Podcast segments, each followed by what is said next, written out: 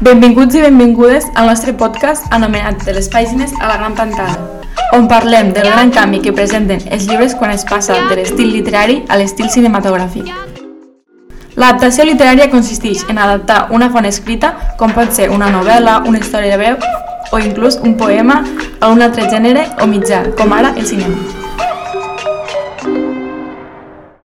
Però, quan podem dir que és una bona adaptació?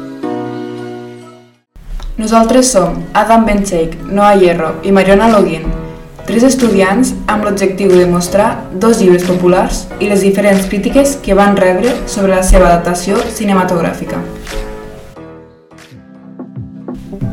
La primera adaptació de la qual parlarem és del llibre Pride and Prejudice, escrita per Jane Austen, i l'adaptació dirigida per Joe Wright.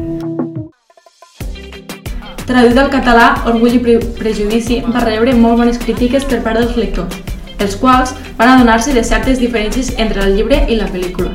Però tot i això, la pel·lícula és fidel als moments més importants de la seva versió escrita.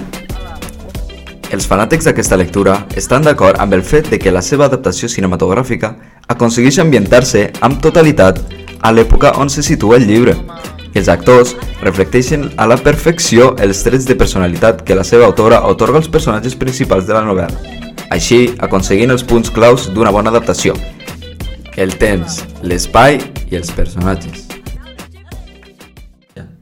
Els espectadors diuen que hi ha diverses seqüències que els agraden molt pels moviments de la càmera, però al final s'han quedat amb la que més va impactar per la força de les mirades. L'escena que més va impactar els espectadors va ser quan els protagonistes van estar diversos dies convivint.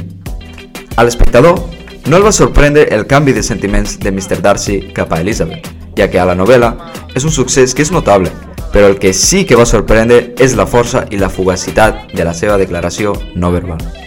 En conclusió, la pel·lícula és bastant fidel a la novel·la, és molt agradable visualment i els actors superen totes les expectatives. Els espectadors valoren aquesta pel·lícula molt positivament i la recomanen al públic dels joves i grans. Per contra, no totes les pel·lícules aconsegueixen satisfer els lectors. Un d'aquests casos és l'adaptació cinematogràfica de Fifty Shades of Grey, dirigida per Sam Taylor Johnson, de la novel·la escrita per Erika Mitchell. Aquesta pel·lícula no va rebre les bones crítiques que esperava la seva estrena. Bueno, principalment, el seu actor protagonista no aconsegueix projectar el misteri que els caracteritza en el llibre.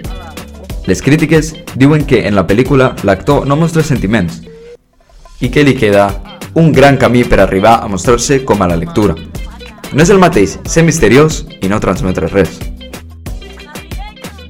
En conclusió, no totes les lectures poden esdevenir una bona adaptació, hi ha conceptes que el lector només pot gaudir i entendre a través de les lletres, o un mateix, amb la seva pròpia imaginació, forma una escena lliure al seu pensament. Moltes vegades, les pel·lícules no arriben a satisfer les expectatives d'aquests lectors, i aquí és on es considera una mala adaptació.